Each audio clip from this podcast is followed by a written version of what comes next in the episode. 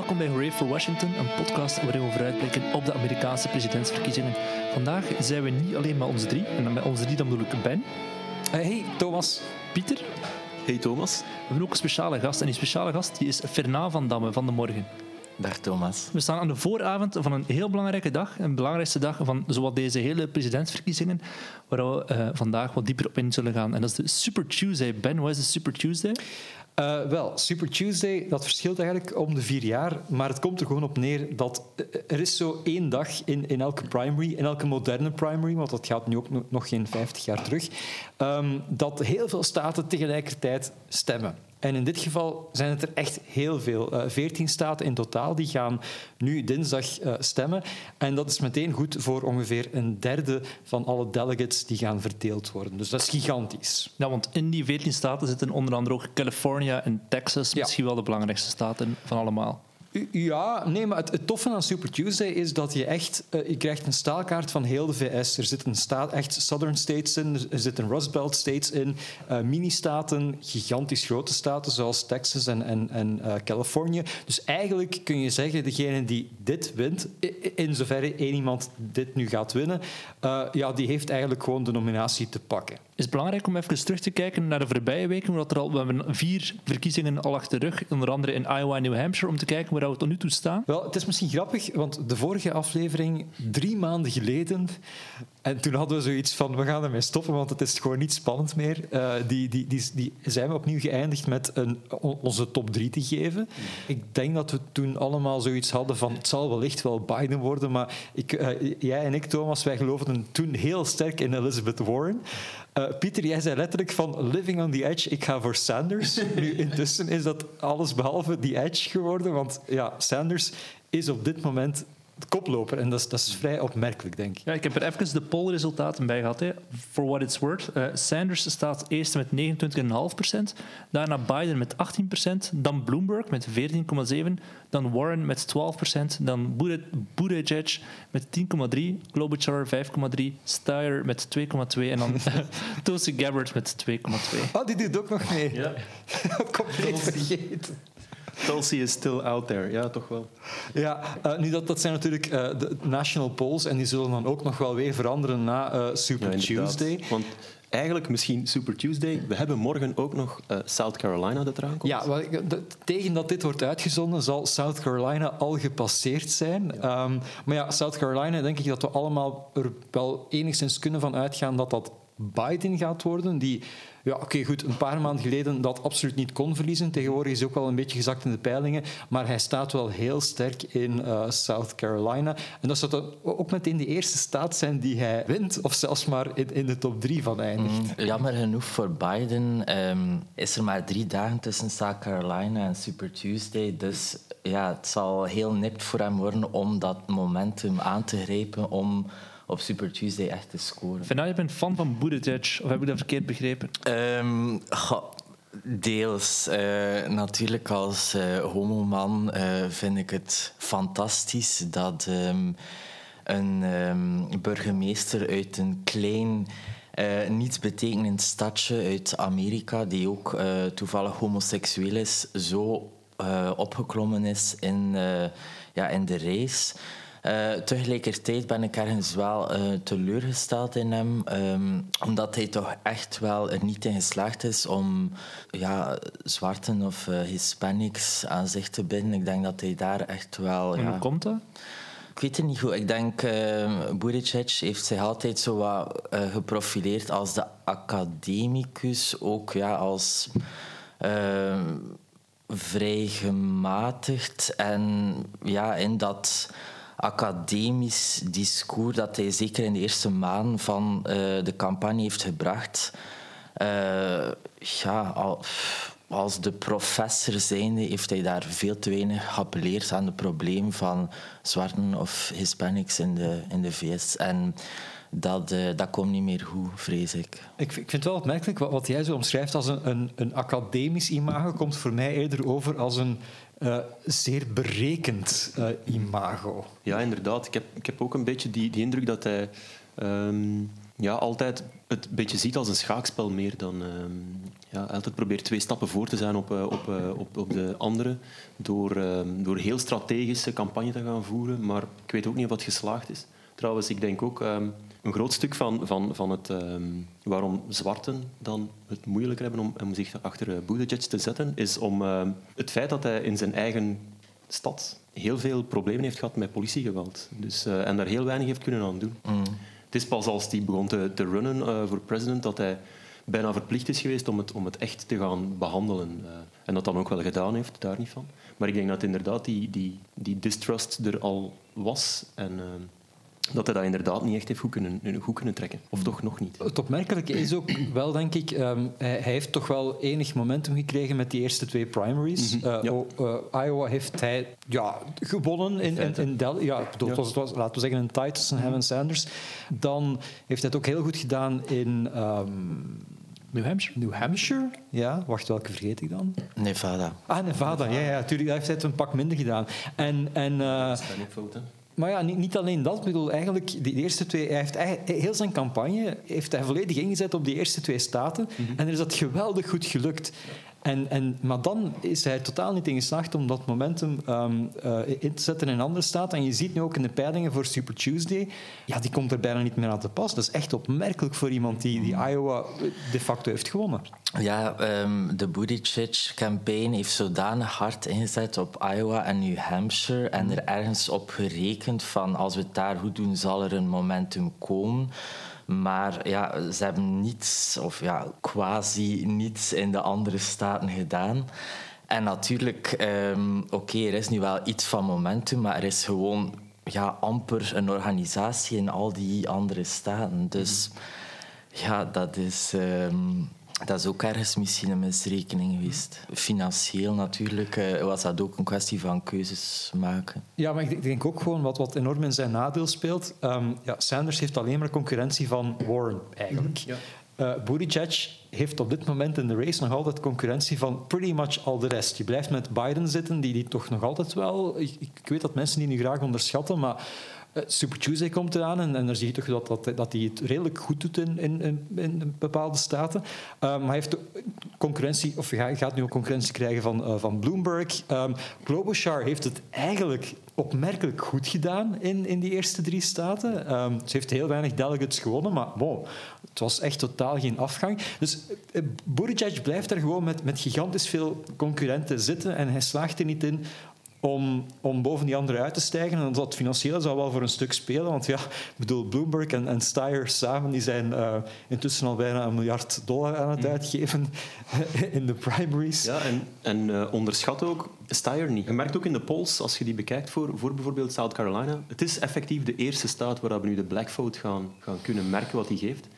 En blijkbaar zijn er heel veel die daar de switch maken van Biden naar Steyer. En dat zal wel eens voor de verrassing nu kunnen zorgen. Ja. En, we- en alweer dan een soort van ja, de wind uit de zeilen zal halen van Biden, die, die dat momentum echt wel nodig heeft. Dus eh, in dat opzicht vind ik het nu wel interessant om, eh, om eh, South Carolina nog, nog even in de gaten te houden. Mhm. En te zien wat dat gaat geven. En ja, los daarvan, Buttigieg heeft ook ja, de malchance gehad van de, de caucus die complete chaos geworden is. Waardoor dat hij dat momentum dat hij in principe wel had kunnen uitspelen, zoveel mogelijk, ze hebben dat zoveel mogelijk nog geprobeerd om het heel snel te claimen. Maar ja, ze hebben er echt niet kunnen ten volle voor, eh, voor gaan hè, om, die, om die, die, dat momentum uit te buiten. En dat is wel jammer voor, voor de campagne van hem. Absoluut. Nou, we zeiden van Buttigieg dat hij eh, vooral gefocust heeft op die eerste vier staten. We hebben iemand die nu in het strijdtoneel komt die het absoluut tegenovergestelde gedaan heeft, Bloomberg. Ehm, hoe hoog schatten we zijn kansen? Eh, goh, ik, ehm, maar eigenlijk, ik, ik zou nu zo met, met, met de ratio zegt van... Nee, nee, dat kan niet anders dan dat dat gewoon een serieuze kandidaat wordt. Want, ik bedoel, die heeft dus... Ik heb dat vandaag nog gelezen in de New York Times. Op dit moment, of, of tegen Super Tuesday, gaat hij 450 miljoen dollar hebben uitgegeven aan, aan TV-ads, wat dus meer is Ja. dan, eh, dan, dan eh, Clinton en Obama gedurende heel hun campagne. Ja, Dus- ja, dus absoluut. Tot, tot in november. Ja, er staat een fantastische interactieve kaart op de site van New York Times, zodat je kan lichte, lichtjes zien opduiken. Wanneer dat, seconde. Ja, elke seconde dat er een, een spotje van Bloomberg vertoond wordt. Het is echt hallucinant veel hoeveel geld hij er tegenaan smijt. Ja, hij heeft ook honderden stafleden in dienst genomen. Die hebben allemaal een gegarandeerde job tot ehm, 4 november, eh, de dag van de presidentsverkiezing. Eh, die krijgen ook allemaal de laatste nieuwe iPhone, ehm, laptops. Allee, het is bijna hallucinant eigenlijk hoe... ehm, ja, hoe well-equipped eh, die eh, campaign is. Maar tegelijkertijd ook hyperprofessioneel en eh supergoed georganiseerd. Dus Ja, maar toch, als je dan kijkt naar... I know, het zijn peilingen, maar het, het- het- het is ook niet helemaal uit de lucht gegrepen. Californië, Colorado, Maine, Utah, Vermont, Massachusetts... Daar peilt hij onder de 15 procent. Als je weet dat hij al 450 miljoen dollar heeft uitgegeven, is dat ehm, redelijk gênant. Een paar staten doet hij heel goed, Oklahoma en Arkansas. En dan een paar staten waar- waarin hij het oké doet, maar, maar eigenlijk... ehm, ja, hij heeft echt wel gegokt van die eerste vier staten, laat ze het maar uitvechten. Eh, ik, ik ga gewoon inzetten op Super Tuesday en dat gaat mij goed uitkomen. Ik denk dat hij er niet op had gerekend dat hij intussen al twee zeer voor hem desastreuze eh, debatten heeft eh, meegemaakt. Die, ja, dat was echt geen reclame voor hem. hè. Die, die kwam er echt totaal niet uit. Several former employees have claimed that your company was a hostile workplace for women. Should Democrats expect better from their nominee? Let me, let me say a couple of things, and if I can have my full minute and a quarter, thank you. Um, I have no tolerance for the kind of behavior that the Me Too movement, movement has exposed. In my foundation, the person that runs it's a woman. 70% of the people there are women. In my company, lots and lots of women have big responsibilities. They get paid exactly the same as men. Two weeks ago, we were awarded uh, we were voted the uh, most the, the best place to work, second best place in America. if that doesn't say something about our employees and how happy they are, I don't know what does. Senator Warren, you've been critical of Mayor Bloomberg on this issue. Yes, I have. And I hope you heard what his defense was. I've been nice to some women. That just doesn't cut it. Ik had ehm, voor het eerste debat waar dat hij aan deelnam, had ik echt zoiets van... Bloomberg, ja, onderschat die niet. Mhm. hè, in de, in- en vooral in de zin van, als het dan gaat over electability, hè, de, buzzword in de primaries dit, jaar. Electability, hij is wel degene die echt onder de huid van Trump kan kruipen. Trump is de fake billionaire, bij wijze van spreken. Wel, Bloomberg is de real one. Hè. Eh, Trump eh, schreef The Art of the Deal. Wel, Bloomberg is de real deal. Maar dan zag ik zijn performance eh, bij het eerste debat en dan had ik echt zoiets van ja, die paragraaf in de trash. dat was zo slecht, zo abominabel slecht. Dat ik echt zoiets had van dat trekt hij nooit meer recht. En ik vrees er nu nog altijd voor inderdaad dat hij echt, echt nog echt veel moet rechttrekken nu om, eh, om die debatten, eh, om, da- om daar te boven, eh, te boven te komen. Ja, want zijn gok was van, ik, ik doe de eerste Ja. vier niet mee, dan laat ze het maar onder elkaar uitvechten. Ja. En dat, dat leek heel even een briljante gok Ja. te zijn. Ja, en dan dat in combinatie met zijn, zijn gevatte Twitter-feed, zijn, zijn supergevatte advertisement die hij gedaan heeft, bijvoorbeeld in Nevada, was echt hilarisch eigenlijk. Qua campagne is, het- is het heel goed, maar dan zijn eigen performance was, eh, was triest. Je hebt natuurlijk al een punt, Fernand, in die zin... Ja, natuurlijk heeft hij het geld om het heel lang uit te zingen. Maar ja, dat geldt eigenlijk dus ook voor Tom Steyer. De vraag is of die, of die het echt zo lang nog gaat uitzingen of, of na, na dinsdag wel gaat besluiten van dit wordt te gênant. Of na eh, South Carolina. Ja, nee, oké, maar South Carolina en Super Tuesday, dat valt dan zo nog drie dagen van elkaar. Eh, waarom, waarom dan niet gewoon nog eens de, de kat uit de boom kijken, wellicht? Ehm, het geldt ook voor Amy Klobuchar, die zal naar alle waarschijnlijkheid ook wel afhaken in de loop van de week. Ehm, Tulsi ook. nee, die blijft er gewoon in zitten. Niemand weet dat die, dat die er nog in zit. Die blijft er gewoon in zitten om iedereen te plagen, denk ik. Ehm, en, maar dan is, het, dan is het wel nog de vraag van ehm, wat gaat Elizabeth Warren doen? Want die, die kan het ook nog lang uitzingen. Ja, ik denk dat het vooral zal afhangen van Californië, toch? Hoe bedoel je? Ja, als zij daar zeer hard of significant verliest van, eh, van een Sanders. Er is geen enkele staat nog die erna komt die ze het kan, eh, waar ze dit kan, kan ophangen. Nee, wat toch? nog, nog veel erger. eh, in Massachusetts eh, peilt ze op dit moment lager dan Sanders. En Warren is van Ja, Massachusetts. zie, ik zeg het, na Super Tuesday denk ik dat ze dat ze de handdoek in de ring zal werpen. En dat zou zeer goed zijn voor Sanders, want dan heeft hij gewoon geen concurrentie meer aan, aan linkerzijde. En ja, van de rest hoeft hij zich nu ook niet al te veel zorgen te maken. Als je van plan bent om voor Bloomberg te stemmen, dan ga je, dan ga je niet op, op, op Sanders stemmen. Mhm. Vanaf wanneer is het relevant om te praten over de running mates? In deze race denk ik dat dat nog lang niet relevant gaat zijn. Oké, want ja, bij Sanders hoor je altijd, die is onverkiesbaar, die is te links. Maar die zou wel kunnen scoren als hij een running mate kiest die dan net veel neutraler is. Klobuchar bijvoorbeeld. Ja, onder andere. Ah, ik, ik- Klobuchar en Sanders lijkt mij gewoon een marriage made in heaven. Als, als het echt, omdat Klobuchar heeft ook echt wel bewezen dat dat ze inhoud heeft. Dat ze mensen kan aanspreken, wat niemand geloofde in haar twee maanden geleden. En nu plotseling houdt hij echt wel... Gelijkertijd is veel gezegd, maar ze doet het beter dan Biden. Maar En- tegelijkertijd, Klobuchar is nu niet bepaald eh, de grootste supporter van Medicare for All. En ik gok misschien dat Sanders wel iets of wat rechtlijnigheid eh, zal verwachten van zijn running mate. Een van de mogelijke namen die genoemd wordt is eh, Bill de Blasio, de burgemeester van New York, die eigenlijk ook al eh, openlijk Sanders het hof heeft gemaakt op Twitter eh, door eh Buttigieg een veeg uit de pan te geven en Sanders eh, op te hemelen in één en dezelfde tweet. Dus eh, ja, een eh, ticket eh, Sanders Klobuchar eh, klinkt super verleidelijk, maar ik vrees toch dat iets anders zal zijn. Ja, maar een, ticket Sanders de Blasio klinkt nu echt wel als, als je eigen graf delven. Want het, ik bedoel, de Blasio heeft nu niet bepaald ongelooflijk veel charisma en, en zit eigenlijk al volledig op dezelfde lijn als, als een Sanders. Dus je hebt zo wel iemand nodig om een beetje tegengewicht te bieden, denk ik. jullie Bob Iger in de race stappen als eventueel als running mate? De CEO van Disney die deze week plots onverwachts zijn eh, ontslag heeft gegeven en die al heel lang op het punt stond om zich ooit in de strijd te werpen. Ik zie die echt nog als running mate van, van Bloomberg omdat ze dan samen kunnen zeggen van kijk, we zijn alle twee businessmen, maar geen knettergekke businessman. Want ja, hij heeft al een fantastisch parcours bij Disney erop zitten. Dus hij heeft, is gestopt als CEO van Disney zonder uitleg. Dus ofwel is hij ziek, ofwel is er een MeToo-verhaal dat eraan komt, ofwel gaat hij zich in strijd werpen. Dus één van de drie. En ik, ik zou het echt fantastisch vinden moest hij zeggen...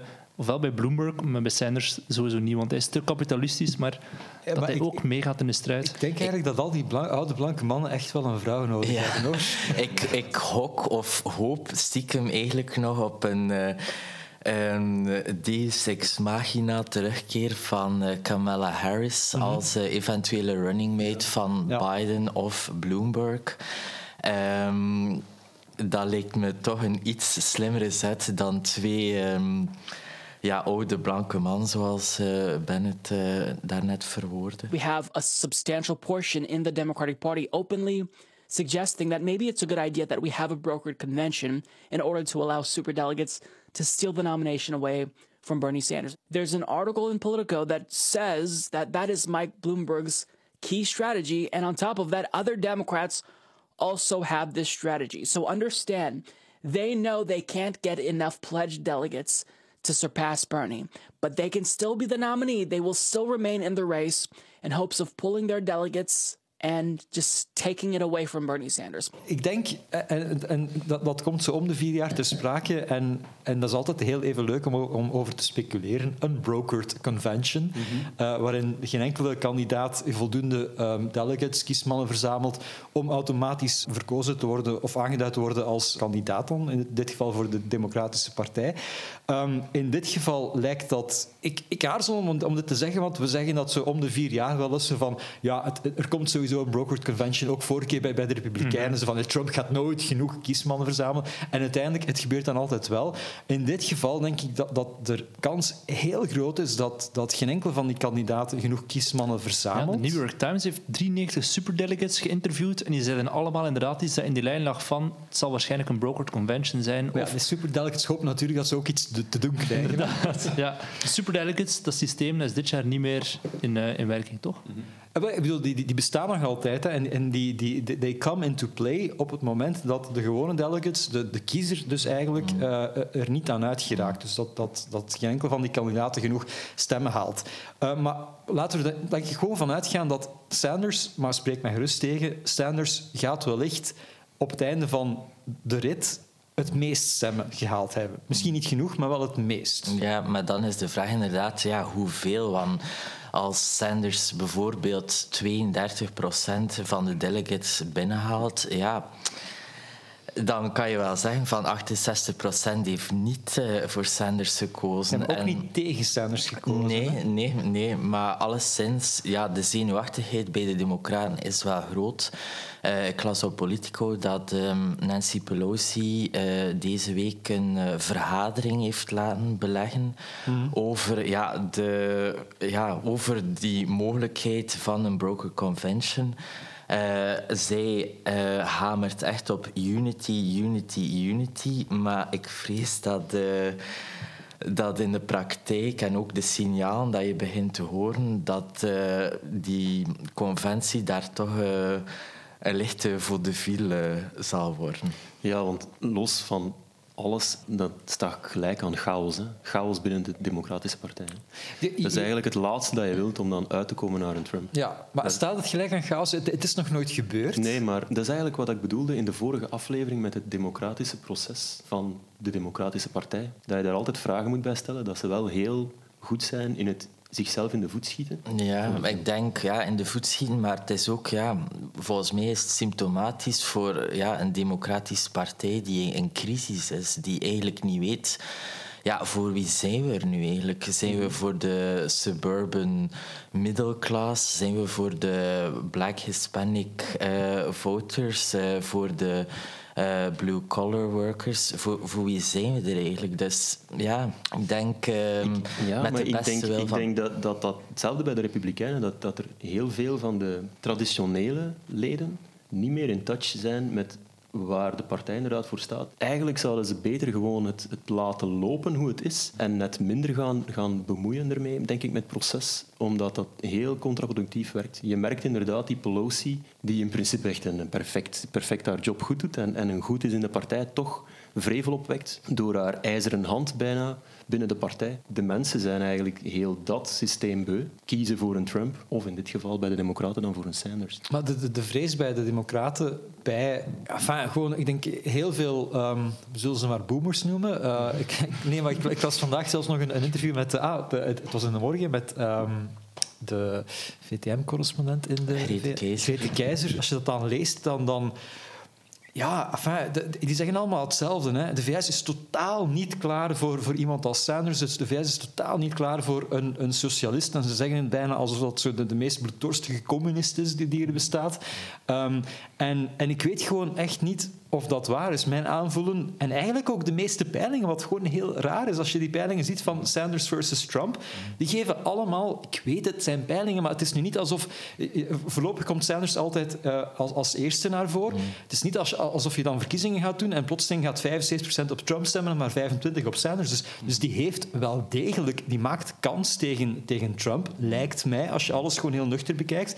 Maar je, je merkt gewoon dat oude democraten, die geloven, die willen dat zelfs niet horen, denk ik. Ja, maar ook de Trump-campaign uh, is er rotsvast van overtuigd dat Sanders geen schijn van kans maakt. De Atlantic heeft... Uh, vandaag een artikel gepubliceerd uh, waarin dat ze meerdere uh, campagnemedewerkers van Trump uh, hebben geïnterviewd en die zeggen echt van ja, Sanders voor ons is een godsgeschenk. Dus daar zijn ze ook al ergens in... Um, Um, dronken van euforie bij de gedachte dat Sanders uh, de nominee wordt. Maar inderdaad, um, ja, de, de Clinton-campagne dacht in 2016 ook van mm-hmm. we gaan zo los over Trump uh, deze verkiezing winnen en ja, ziet ons uh, hier nu zitten. Dus, uh... ja, terwijl als je gewoon Trump en Sanders op een podium zet, dan krijg je denk ik vuurwerk. als je Trump tegenover de, de, de Bloomberg zet, die, die wij nu al Biden. hebben gezien, twee, ja. of Biden, Biden zet, ja, Biden willen we zeker niet, niet meemaken, maar, maar zet die tegenover de Bloomberg, die, die wij nu al hebben gezien, twee debatten lang, ja, bedoel, ik denk dat, dat Trump daar gewoon als, als, als beste wil ik nu niet zeggen, maar bon, die komt daar opmerkelijker uit uh, dan, dan, dan, dan een Bloomberg, toch? Ja, het is, het is bij beiden, Bloomberg en Biden, is het echt zo grootspraak. Hè. Um, die gedragen zich echt als zo kinderen op de speelplaats. Hè. Ik ga hem een pak rammel geven. en ja, maar zo praten die letterlijk. Dat is echt Aha, hoe ja. boomer kunnen, kunnen zijn. Hè. uh, en ja, iemand als Trump doorprikt dat. Trump is een bully. Dus ja, wat ga je, wat ga je een bully bullyen? Ik bedoel, Sanders heb ik wel de indruk dat hij wel gevat kan terugkomen. Hem kan pakken op hi- hier en daar op dingen. Ik had het gehoopt voor een Bloomberg ook, maar blijkbaar niet. Dus- In tegenstelling dan toch nog altijd tot, tot een Buttigieg en een, en een Warren, die, die, die wel heel ehm, eh, ja, sterk verbaal uit de hoek kunnen komen. Hè? Absoluut, maar ja, de, de cijfers eh, willen gewoon niet mee. Ik vrees, ehm, na Super Tuesday zal toch echt wel eh beginnen span voor zowel Warren als Buttigieg als Klobuchar. De druk zal ook steeds groter worden eh, vanuit de DNC om ja, één gematigde kandidaat tegenover Sanders te krijgen. Ja, maar dat gaat niet gebeuren, want Bloomberg die heeft geld genoeg om erin te blijven. Die, die blijft er te koer in. Ook al, ook al komt hij uit, uit Super Tuesday met amper 20%, 15% van de stemmen en Sanders met 35%, die, die blijft daarin. Buttigieg, dat weet ik niet. Die heeft ook nog wel een oorlogskas. Hè? En, en die blijft denk ik ook nog wel in zijn kansen geloven als zo een, een beetje eh, de gematigde kandidaat met enig charisma. Wat niet van een... Ah ja, trouwens, Biden, ik vergeet nu eigenlijk altijd, maar die gaat er denk ik ook nog wel even blijven in zitten. En dan, wat je net zei, van stel dat, dat ehm, Sanders op het einde van de rit maar 35% van, van de stemmen heeft. Maar van het moment dat Warren eruit valt, kunnen we er denk ik wel van uitgaan dat al haar stemmen naar Sanders gaan. Wat eigenlijk zou betekenen, of zou kunnen betekenen dat Sanders op het einde van de rit wellicht niet aan de helft gaat geraken, maar toch eerder in de richting van de 40, 43% zal gaan van, van het totaal aantal stemmen. Spreek mij tegen, hè? Mm, Ja, eh, maar dan doen er ook uh, Geert Noels geweest uh, complottheorieën de rond op Twitter dat, Die eh, heeft da- direct messages gekregen. dat eh, de DNC eh, Elizabeth Warren pusht om in de race te blijven om Ja, ja, een, tuurlijk. een tegenwicht tegen Sanders te bieden. Eh, ik weet niet wat dat er daarvan aan is. Het klinkt ergens aannemelijk. Eh, en ik, ik denk dat Warren ook gewoon nog vrij veel support heeft ook hoor. Eh, Ook weer bij minorities en zo, die, die inderdaad de stap naar een Sanders, de oudere bijvoorbeeld, oudere Hispanics, oudere ehm, black voters, overwegen dikwijls eh, een Warren eerder dan een Sanders. ja, maar Dus, haar momentum is maar helaas, volledig ja. weg. Ja. Maar ja, never say never, Super Tuesday, weet, Mm, ja. ja. Nee, Wa- Warren komt er echt niet aan te pas Nee. eh, op Super Ik- Tuesday. Ik durf niks meer zeggen. Het is tijd om een voorspellingsrondje te doen van de, onze top drie. Ja, de top drie van kandidaten van wie wij denken dat ze het zullen halen. Ah, wacht. Ik wil trouwens ook nog zeggen dat TLC, dus de band TLC, of de, Ah, de, ja, de ja, girl ja, band, ja. die hebben Tom Steyer endorsed. Ik dacht, ik smijt het er even tussen. Eh, nee, oké. dus eh, top drie van wie wij denken dat eh, de kandidaat wordt. Misschien Fernand? Nee, jullie eerst. Oké. Ik zeg eh, Sanders op één, dan Bloomberg en dan Biden. Oké. ik zeg Sanders, dan zeg ik eh Piet, Buttigieg en dan eh, heb ik Bloomberg. Ja, ik ga voor Sanders, Bloomberg en Buttigieg. Dus Biden is helemaal weg bij jullie. Ehm, ik zie gewoon niet in hoe die man... Ja, nee, ik, ik, tegelijkertijd, ik zeg het, die gaat, die gaat niet slecht uit, Super Tuesday komen, hoor. Maar ehm, die, die gaat misschien zelfs meer eh, delegates verzamelen, verzamelen op Super Tuesday dan, dan Bloomberg. Maar het gaat, het gaat geen overweldigend aantal zijn. En, en dan zit je gewoon met dat, dat verschil in partijkas. Hè. Ik bedoel, Bloomberg is unlimited... En ja, Biden, ik kan me nu echt niet voorstellen dat hij op dit moment nog eh, het makkelijk heeft om, om geld te verzamelen. Integendeel zelfs. En toch eh, denk ik dat ik eh, Thomas eh, volg. En eh, mijn top drie is ook Sanders, eh, Bloomberg, Biden. Oké, goed. Ehm, dat wordt dus... eh, ja, het wordt echt spannend eigenlijk. Waar volgen jullie de, waar volgen jullie de verkiezingen eh, dinsdag? Ja, sowieso de New York Times. eh, Maar dan volg ik ook altijd eh, Maggie Haberman, de eh, politieke sterjournaliste van New York Times. Ehm, die had een jaar geleden aangekondigd dat ze met Twitter ging stoppen, maar misschien is ze op haar hoofd of zo vallen, want ze is weer in overdrive aan het gaan en ik vind het zalig. Eh, dus eh, die is ook een supergoeie bron tijdens eh, kiesavonden. Ik ga ook altijd door haar vind ik leuks, want eh, ze is ook kampioen om heel juicy tweets over eh, de voorverkiezing te liken. Dus New York Times en Maggie Haberman haar Twitter-account. Ja, En jullie? Ja, ook New York Times en Real Clear Politics voor Hmm. zo de bundeling van alle polls en 538 van Nate Silver uiteraard. Ja, bij mij is het eh, 538 ook. En ik ben in verkiezingsjaren eh, mijd ik eigenlijk de New York Times heel hard. Eh, en ben ik eerder een Washington Post. eh. Waarom? Ja, ik heb het een beetje gehad met de, de electable candidates en, ehm, en de, de bias towards bepaalde kandidaten. Dus die, die- ja, die ik zowel in, in, in hun podcast, krant als opiniestukken een beetje op het absurde af begint te worden. Dus, eh, Ze zijn wel heel scherp tegen eh, eh, Ja. Sanders, heb ik gemerkt de afgelopen weken. Ja, het is echt. Het, wordt, het was al zo, het was vier jaar geleden zo, en nu is het eigenlijk opnieuw zo. En dan denk ik, dat is net waar hun heel veel lezers en eh, vooral ook ja, bijvoorbeeld 538 en toch wel wat op, op gewezen heeft na die verkiezingen van let daarmee op. En nu doen ze terug. Dus, maar ik, sowieso ehm, heb ik ook gewoon een abonnement op Washington Post. Dus de- en niet op de New York Times. Ja, en ik ga er eigenlijk gewoon nog, nog één, ehm, één ding aan toevoegen. Eh, Fox News. Eh, nu niet per se voor de meest betrouwbare informatie, maar ik, ik wil wel weten hoe die reageren op, eh, op zoiets als Super Tuesday. Een tip is eigenlijk Flipboard, de app die, die niemand nog heeft waarschijnlijk. Nee. Eh, eigenlijk is dat een heel makkelijke manier om eh, Amerikaans nieuws binnen te krijgen. Het zijn vooral opiniestukken wel, dus beware. Maar, eh, maar dan krijg je inderdaad Fox News, al die dingen er ook bij. Fantastisch. Oké, eh, dus tot na Super Tuesday. Tot dan. En bedankt, Fernand. Dankjewel, merci.